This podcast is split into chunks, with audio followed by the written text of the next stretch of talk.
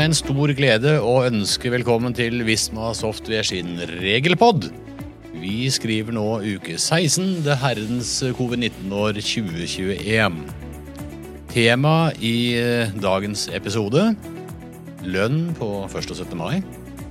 Arbeidstakere som er ramma av innreiserestriksjoner, har de rett på sykepenger? Har du en standardklausul i arbeidsavtalen din om eh, arbeidsgiver adgang til trekk i lønn og feriepenger? Vi skal også se litt på EK-tjeneste som skattefri gave, om man eventuelt da må korrigere. Og så har vi en liten snutt til slutt, Sven Ivar, når det gjelder permittering. I studio, nei ikke studio, hjemmekontor i Fredrikstad har vi med oss Monica. Hallo, da. Her i studio på Gran har vi Sven Ivar og meg som er Ivar. Og som vanlig har vi vårt tekniske orakel borti hjørnet, Vegard, som har ansvar for å ordne med lyd og bilde. Og før vi setter i gang, Vegard, er lyd og bilde ok? Alt snurrer og går. Så bra, så bra. Med det været vi har hatt i det siste, så kan vel eh, trygt si at eh, våren kommer og går. Men eh, 1. og 17. mai består. Eh, og da, Sven Ivar, trenger vi nå en eh, oppdatering på lønn for 1. og 17. mai. Ja, det kan vi jo ta. Det er jo ikke noe nytt på dette området her, men vi har jo mange spørsmål på det temaet hver gang vi nærmer oss såkalt eh, bevegelige helligdager og høytidsdager. Og som for regelbiten av det hele, da, så er det naturlig å skille på 1. og 17. mai og andre bevegelige helligdager og høytidsdager vi har. Fordi når det gjelder 1. og 17. mai, så har vi noen egne regler som går på dette her med krav på lønn og, eller ikke, og hva man i tillegg har krav på hvis man først må på, på jobb disse dagene. Så de er en egen bolk. Ellers så reguleres jo dette her i all hovedsak av hvordan vi lønner en ansatt, altså hva som er avtalt om avlønning. Så hvis ikke jeg tar helt feil, Ivar, så har du en avtale i din arbeidsavtale som sier at du har månedslønn, fast sum hver måned i utgangspunktet. Ja, så her må man også skille på om det er månedslønt eller timelønte. Ja, det må vi mm. i forhold til dette her. Og da vil det være sånn at eh, da vil det være arbeidsgiver som i utgangspunktet har risiko på hvor mange dager i måneden eh, bedriften har åpent og, og på den andre siden stengt, i forhold til lønnsutbetaling. Du får din sum i utgangspunktet uansett. Sant? Så for 1. og 17. mai og andre høytids helligdager for arbeidstakere som da er fri Nå er vel 1. mai på lørdag i år, og så er det vel 17. mai på mandag, da. Helt Eh, rett. Ja, så jeg henger med, skjønner du. Du henger med. Så vil jo det bety at eh, vi holder stengt da eh, 17. mai, som er mandag, eh, og du vil likevel få din eh, måte, sum med penger eh, i mai. På vanlig måte. Så her er liksom en årslønn som er gjort om til månedslønn, så har man liksom tatt høyde for at her kan det falle uh, helligdager på kryss og tvers gjennom året. Ja. Ja. Arbeidsgivers ansvar og risiko, kan vi si, i forhold til dette her. Er du timelønnet, og du har inngått en avtale om at du måtte, må jobbe en time for å få betalt en time, og gjerne da i praksis uh, fører tid og timelister osv., så, videre, så er jo utgangspunktet annerledes.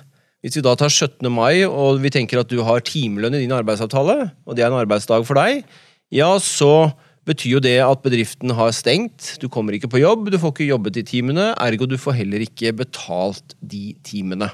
Eh, ditt ansvar. Og så veit vi jo i praksis at veldig mange virksomheter da sier at ok, vi betaler kanskje allikevel etter avtale i bedriften for de timelønnede. Det er helt greit eh, å gjøre. Men her er det altså et skille mellom månedslønn og timelønn. Gjerne mange som har tariffavtaler, tenker jeg, Ja. som går på betaling for sånne dager. Ja, det er litt personalpolitikk òg, tenker jeg. Men jeg tenker hvis vi nå ser i forhold til, øh, som du sa, så er det egen lov og forskrift øh, når det gjelder 1. og 17. mai. Ja. Eh, og for at en timelønn skal da få betalt for dagen, mm. eh, er det noen vilkår? Det er det. Og jeg tenker at hvis vi starter 1. og 17. mai, da, som er spesielt lovregulert, så er jo det interessante på en måte fordi eh, at her gjør man et unntak.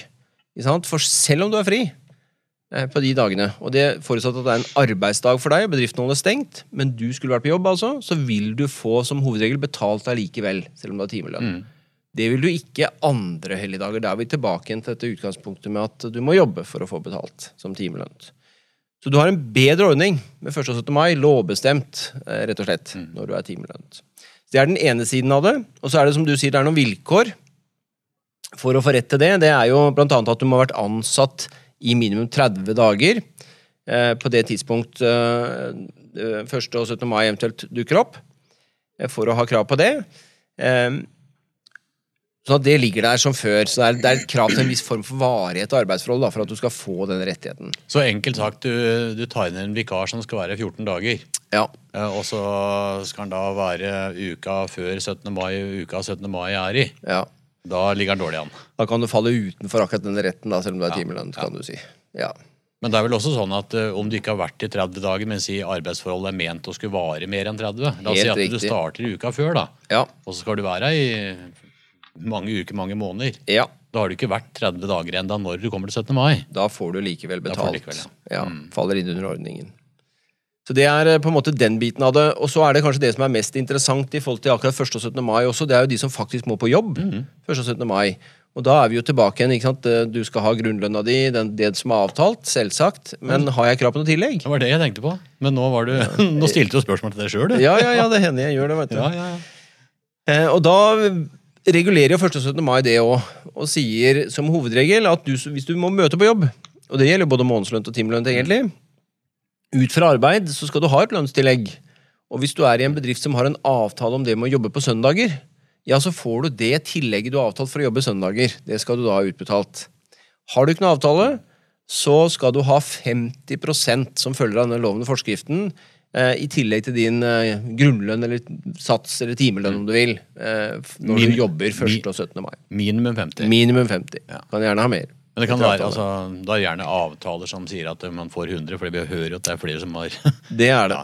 Ja, fullt ut mulig. Bedre ordninger er bra. Mm. Eh, Men her sikrer på en måte denne loven deg da er på en måte betalt med et 50% tillegg hvis du først må møte på jobb. mange som må jobbe både på 1. Ja, og 17. ja, ja, ja. mai. Så Det er det.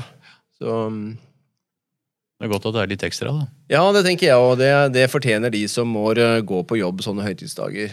Det betyr jo at dette gjelder bare 1. og 17. mai. Mm. Hvis du må jobbe andre helligdager høytidsdager i Norge enn disse her, så er det ikke regulert noe om lønn og hva du får i tillegg. ikke sant? Så er du tilbake igjen til utgangspunktet som vi nevnte i stad, om det er månedslønn, timelønn, men ingen lønnstillegg i noe lovverk som sikrer deg noe. Så der må du jo ha regulert det i avtale. Jobbe i påsken, skjærtorsdag, langfredag, ikke sant. Eh, hva har jeg krav på da? Fins ikke noe lovverk, noe tillegg der. Vanlig timelønn. Og så må vi titte i tariffavtaler og andre avtaler for å se hva vi eventuelt får, eh, eller hva som er avtalt at man får i tillegg. Bare én ting. Vi har sagt at man skille på månedslønt og timelønte. Men når det gjelder å faktisk jobbe på, si 1. eller 17. mai, Mm. da blir vel det likestilt, enten det er timelønt eller fastlønt. Da Helt skal du riktig. ha det minimum tillegget på 50 Ja. Helt riktig. Det gjelder også månedslønte. Det gjelder òg månedslønn. Bra poeng. Så det var den biten. Eh, Det var en kjapp oppfriske på, på 1. og 17. mai, og litt om hva betales eh, i, ved helligdager og høytidsdager. Men Monica, nå hører vi jo at det har skjedd noe på sykepengefronten også når det gjelder arbeidstakere som eh, ikke kommer inn, altså pga. disse innreiserestriksjonene. Der eh, er det noe nytt. Ja, altså dette her var jo noe som skjedde som et tiltak for å begrense risikoen for importsmitte. Da. Eh, Så stramma regjeringen eh, kraftig inn på utlendingers adgang til å eh, reise inn til Norge. Og det trådte i kraft 29.1 i år. Og regjeringen har jo også nå beslutta at disse innstramningene i innreisen da, eh, som blir gjennomført fra fra 29.1, det skal forlenges. Og inntil videre så er jo dette her, altså i første omgang, da, til og med 12. mai. Og det her førte jo til en veldig vanskelig situasjon for svært mange utenlandske arbeidstakere som jobber i Norge og bor i andre land. Eh, For når grensen stengte 29.1, så fikk jo de plutselig ikke muligheten til å komme på jobb i Norge. Eh, Og da fikk de jo heller ikke krav på lønn. Og dette her er jo arbeidstakere som i utgangspunktet er medlem av norsk folketrygd, altså opptjent seg rettigheter i folketrygden. em, Som plutselig falt litt mellom to stoler, da, for ikke fikk de krav på lønn. Og så hadde de heller ikke rett på noen ytelser etter folketrygden. De fikk ikke dagpenger, de fikk ikke sykepenger. Så de sto jo på en måte plutselig på bar bakke uten å ha noe inntekt. Og her har det jo nå kommet da med en kompensasjonsordning på dette her. Det, det var jo diskutert mye fram og tilbake. Nå har de jo fått inn et nytt kapittel 3a i denne midlertidige forskriften om unntak fra folketrygdloven og arbeidsmiljøloven i forbindelse med covid-19-pandemien, som gir denne gruppen med utenlandske arbeidstakere rett til sykepenger som kompensasjon. Um, Ja, så bra. Men det er jo ikke akkurat som sykepenger allikevel. For det første så er det jo en, det er en lavere utbetaling enn hva man ville fått i sykepenger. Er mer tilnærmet dagpengeutbetaling hva den ville vært. Så kompensasjonen vil være på 70 av sykepengegrunnlaget. eh, Begrenset da selvfølgelig opp til seks ganger folketrygdens grunnbeløp. Eh, Så her må man jo også beregne et grunnlag, sykepengegrunnlag, eh, på ordinært vis, slik som man gjør for øvrig. Og da følger man jo folketrygdlovens paragraf 828 på hvordan denne sykepengegrunnlaget skal beregnes. Eh, For arbeidsgivere så er det greit å merke seg da, hvem, hvem skal utbetale dette beløpet, hvem skal utbetale kompensasjonen. Eh, Og den jobben er det jo arbeidsgiver som har fått. Eh, Så det er arbeidsgiver som har betalingsansvaret. De må forskuttere denne kompensasjonen til arbeidstaker dersom arbeidstaker har krav på den. Og så vil man senere kunne få refundert dette beløpet da fra, fra Nav. Ja. Eh, og så er det noen som har avslutta arbeidsrollen sitt da, i løpet av denne perioden. her, eh, og Hvis arbeidstakeren har avslutta arbeidsrollen etter innreiserestriksjonene starta, eh, så gjelder denne retten til sykepenger den gjelder for perioden fra 29.1.2021 og frem til det tidspunktet hvor arbeidsrollen ble avslutta. Greit å merke seg også at man kan jo ikke motta andre offentlige ytelser som skal dekke tapt arbeidsinntekt for samme periode. For da vil man jo få dekning dobbelt opp, og det er jo ikke hensikten med disse reglene. Men Du sa det gjelder fra 29. januar, men hvor lenge gjelder det? Dette er jo midlertidige regler, har dere sagt om det? Ja, vi kan ikke gi det noen sluttdato på det. fordi altså, Selv om virkningstidspunktet er fra 9. Januar, 29. januar, så har de jo sagt at det vil gjelde så lenge det foreligger innreiserestriksjoner for arbeidsreiser til Norge. Og det, vil jo si at det, det vet vi jo ikke ennå når det slutter, eh, men så lenge det er disse innreiserestriksjonene på arbeidsreiser, eh, så vil disse reglene gjelde. Eh, Ja. Men man må også merke seg da at denne retten til sykepenger eller sykepengeskompensasjon her, den vil jo kun gjelde når fraværet fører til tap av pensjonsgivende inntekt. Så det er jo noen, det er noen vilkår som fortsatt vil gjelde også for denne særskilte kompensasjonen her, da, som de har kalt sykepenger. Ja, for her er det på en måte forskjell tenker jeg, når i forhold til den situasjonen her og vanlige vilkår for rett til sykepenger. Er Det, er, det må jo være noe unntak fra de ordinære vilkårene for å ha rett til sykepenger når det gjelder innreise? Ja, er det ikke det? Helt klart, og det, det må man jo her. ikke sant? For Når det skal vurderes om arbeidstakeren har rett til sykepenger etter disse midlertidige reglene her, så er det en rekke av de, av de ordinære vilkårene eh, for sykepenger som de ikke skal ta hensyn til. Og Det første som de sier at man ikke skal hensynta, er dette kravet til arbeidsuførhet. For Her er det ikke noe tvil om at det er jo ikke arbeidsuførhet eh, at ikke man kan utføre arbeidsoppgavene sine. Eh, årsaken til at man mottar denne kompensasjonen er for at man ikke kommer seg til Norge, ikke for at ikke man klarer å utføre arbeidet sitt fordi man er arbeidsufør. Så du trenger ikke være syk, altså? Nei. Eh, og så er det også dette med krav til dokumentasjon i form av legeerklæring. Fordi Man er jo ikke syk, eh, så det er jo ikke noe grunnlag for at en lege skal dokumentere at det er innreiserestriksjoner.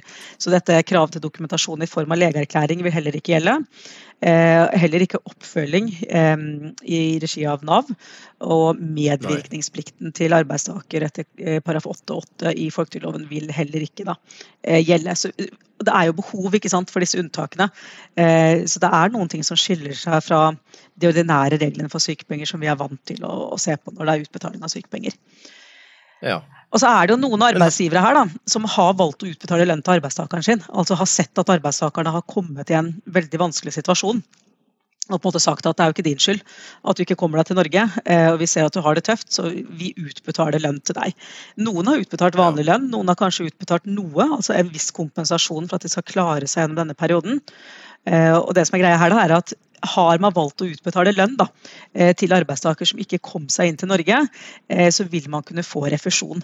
Altså Arbeidsgiver som har utbetalt eh, lønnen sånn at arbeidstakeren ikke har tapt inntekt, eller kanskje har bare noe tapt inntekt, vil kunne kreve refusjon tilsvarende det arbeidstakeren her vil ha hatt krav på sykepenger.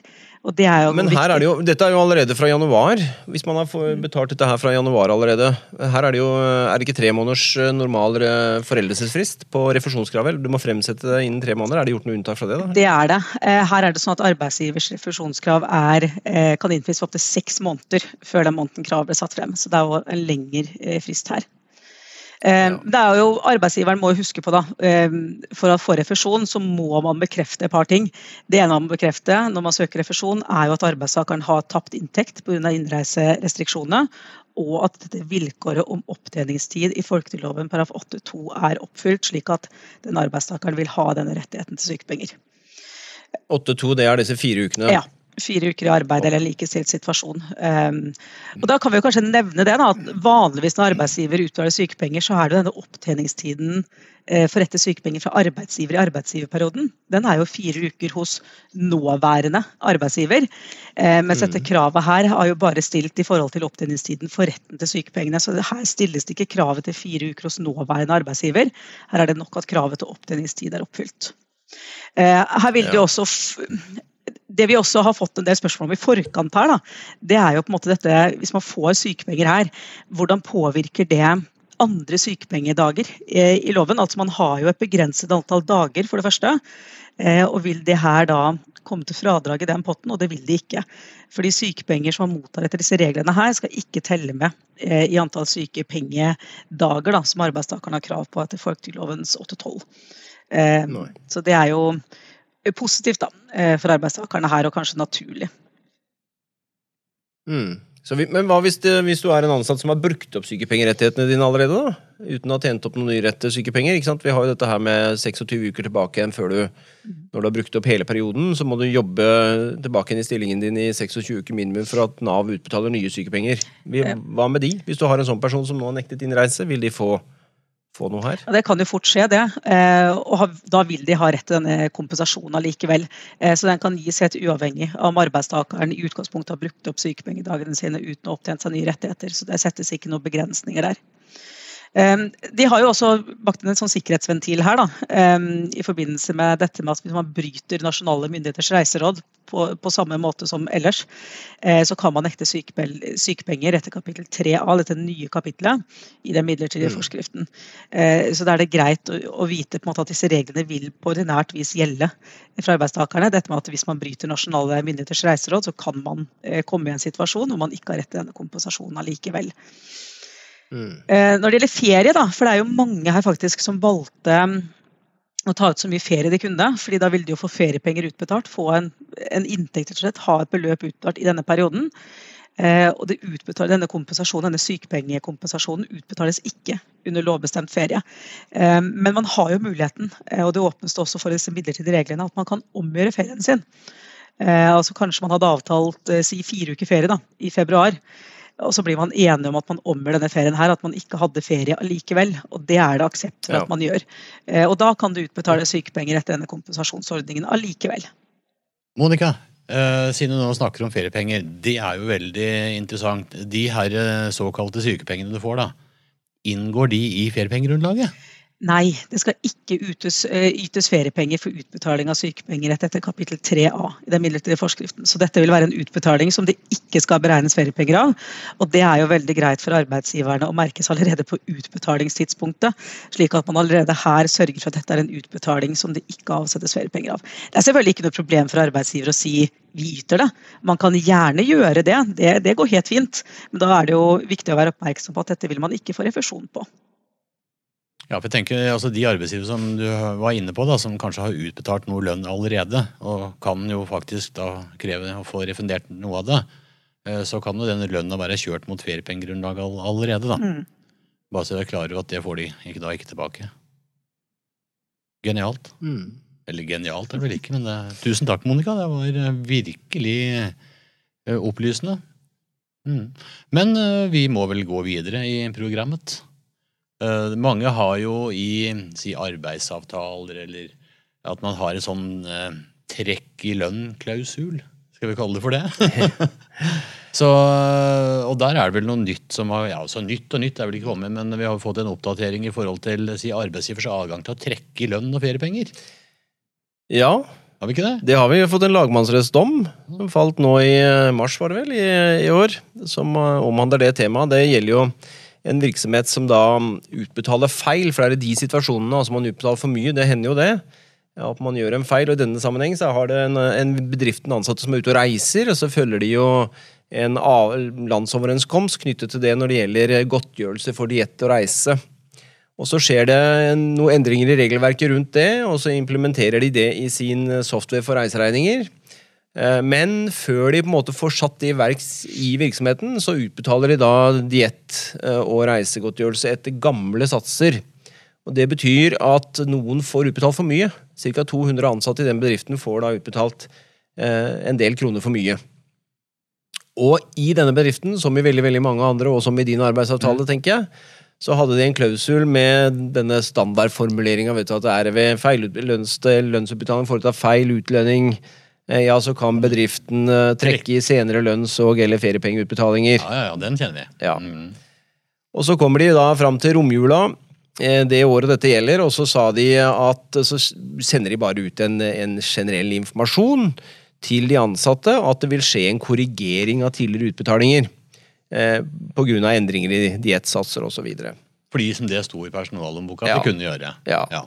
Og så kommer vi til januar etter årsskiftet, og så gjennomfører de da dette trekket for de 200 cirka som dette gjelder. Og så blir det bråk.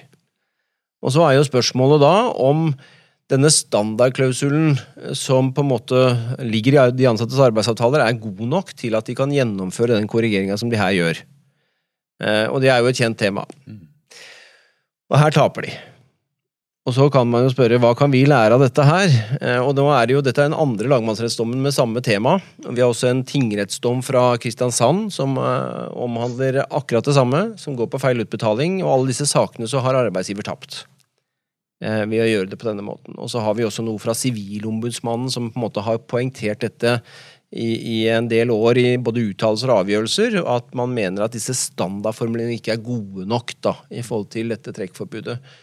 Eh, og det vi må ta med oss i denne settingen eh, nå, eh, det er at det er greit nok at denne står i avtalen, tenker jeg, men når det skjer et feilutbetalingstilfelle, så må vi gjøre et stunt til. Da må vi lage en ny skriftlig avtale som fanger opp i seg to ting. Fordi denne standardklausulen vår den sier bare noe om hvordan ting kan gjøres opp. Den sier jo ikke noe om den ansatte skylder pengene eller ikke. Nei, for da står det egentlig bare at uh, hvis det er gjort en feil, Ja. måten vi skal kreve inn det på, det er at vi trekker i lønn. Vi sender ikke en faktura. Ja, Så det er bare oppgjørsmåten, ikke sant? og det er i utgangspunktet forbudt. Med mindre man uh, finner en, eh, en hjemmel som gjør at det er lov. Uh, men her må vi passe på nå, vi får med at den ansatte vi må konkretisere beløpet vi har utbetalt for mye. Og den ansatte må da også samtykke i at man er enig i å skylde pengene som er utestående, ifølge arbeidsgiver. Og i tillegg til det så må det stå at man samtykker i at det gjøres opp via trekk i lønn, eventuelt feriepenger, som likestilles her når det gjelder feilutbetaling. Så det er to sånne hovedbolker som nå må inn, eh, som da gjør at vi kan gjøre dette lovlig. Det er nok eh, læren i det hele, bakgrunn av den rettspraksisen og det vi har nå. Altså vi ser jo, det er, det er jo veldig mange som har dette her som sånn standardklausul, og så har det vært kanskje noen timer for mye, eller som i tilfellet her hvor det var reise da, som eh, var utbetalt for mye. Og så trekker det likevel, og så sier ikke det ansatte noe. Liksom, ja, ja, jeg skyldte jo det, så det kommer et trekk her. Ja. Men eh, det er vel eh, når du kommer til en riktig ansatte som sier at hallo, dette har du ikke lov til. Ja, Da blir det en issue og da vet vi i hvert fall at jussen vil da ofte falle ut i, i arbeidstakers favør i de tilfellene her. Så ser vi jo at selvsagt dette Det blir jo litt mer tungrodd, da.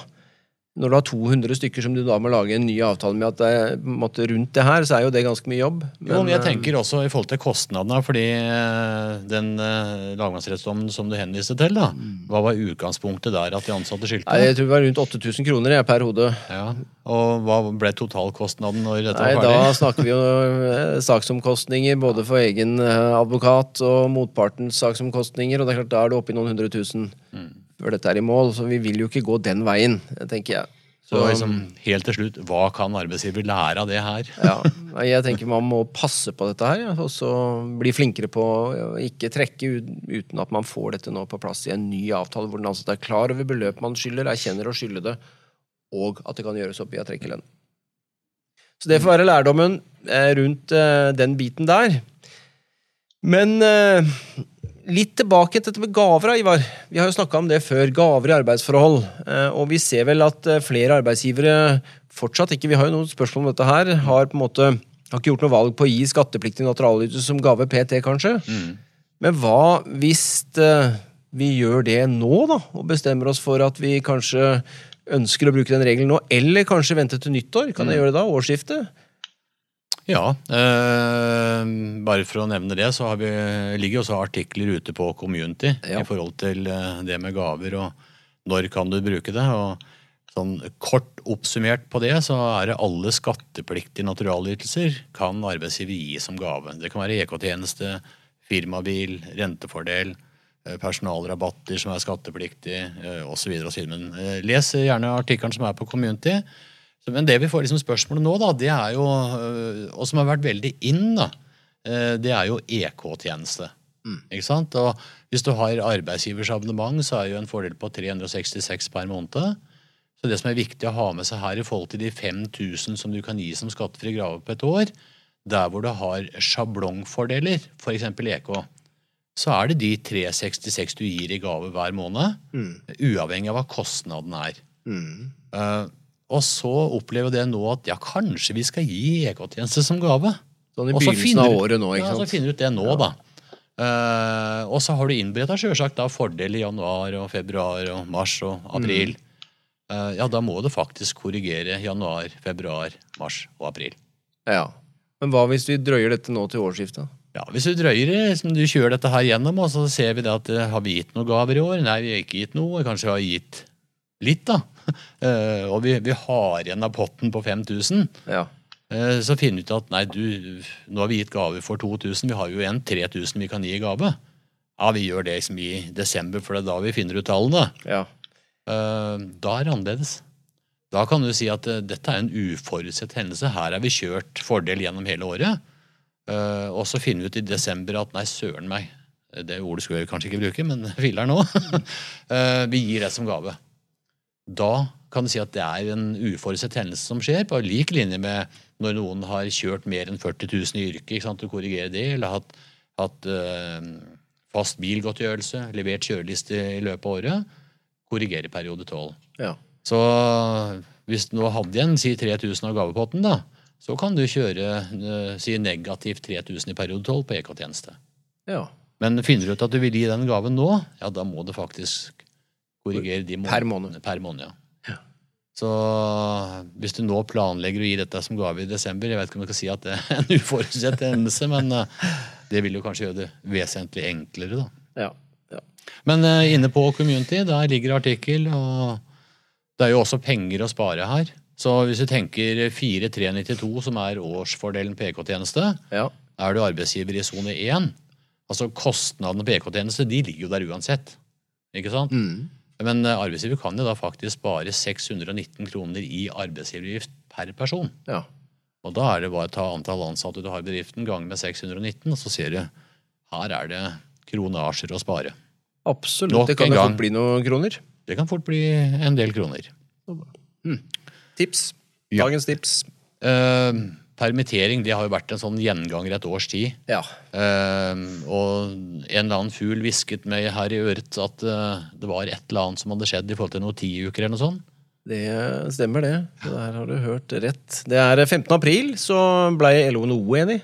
De lager en protokoll, en såkalt enighetsprotokoll, hvor, eh, som går på dette her med, med arbeid i permitteringsperiode. Mange har sikkert hørt om at man kan på en måte trekke inn igjen litt arbeidskraft når det er midlertidig kortvarig behov for å utføre litt arbeid, selv om man er permittert. Seksukersregel, er ikke det? Jo, Ja. det er liksom det man har operert med der.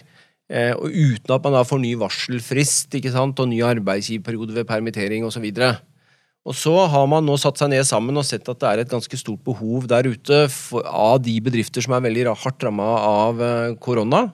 Eh, I forhold til litt mer forutsigbarhet knytta til det, og at man kanskje er litt forsiktig med å trekke ansatte inn igjen nettopp for at man er litt redd for å måtte permittere på nytt. Eh, og dermed så har man på en måte villet utvide denne seksukeren da til ti uker, som man nå har blitt enige om, eh, forutsatt som en midlertidig ordning, da, fram til 30. september nå i første runde. At man ønsker å innføre det. Så det er, det er liksom på overliggeren rundt det. Eh, og så er det jo spørsmål om eh, hvem gjelder dette for, og hvilke forutsetninger må til i forhold til eh, dagpenger osv. her for, for at man skal kunne innføre noe sånt.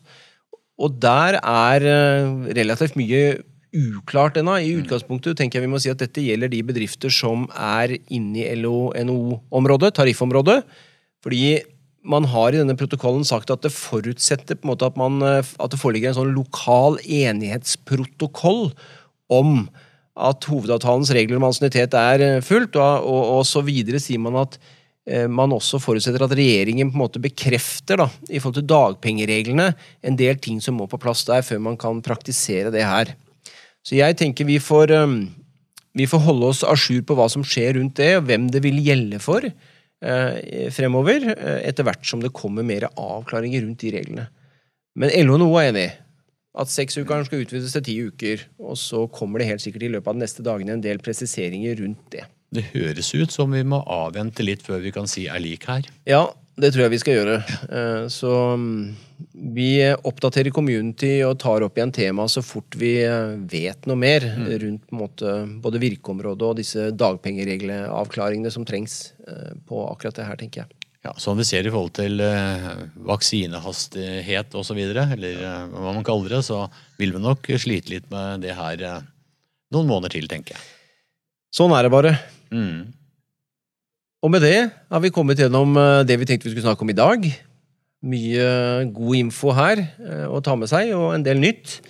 Eh, Vi viser til, som du har nevnt, Ivar, disse bloggene som har lagt ut på Visma blogg-biten, og på community-sidene som håndterer disse temaene. Det er der vi holder ting a jour.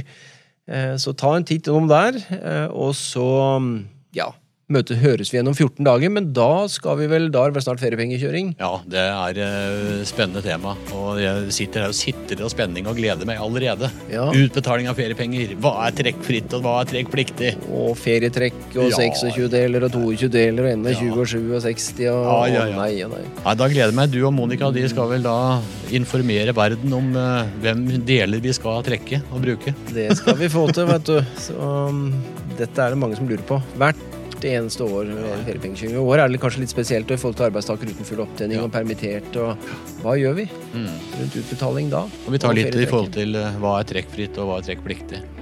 Så følg med oss om eh, 14 dager. Uke 18 er vi vel i dag. Da er vi i uke 18. Så med det så takker vi for i dag. Og um, vi høres.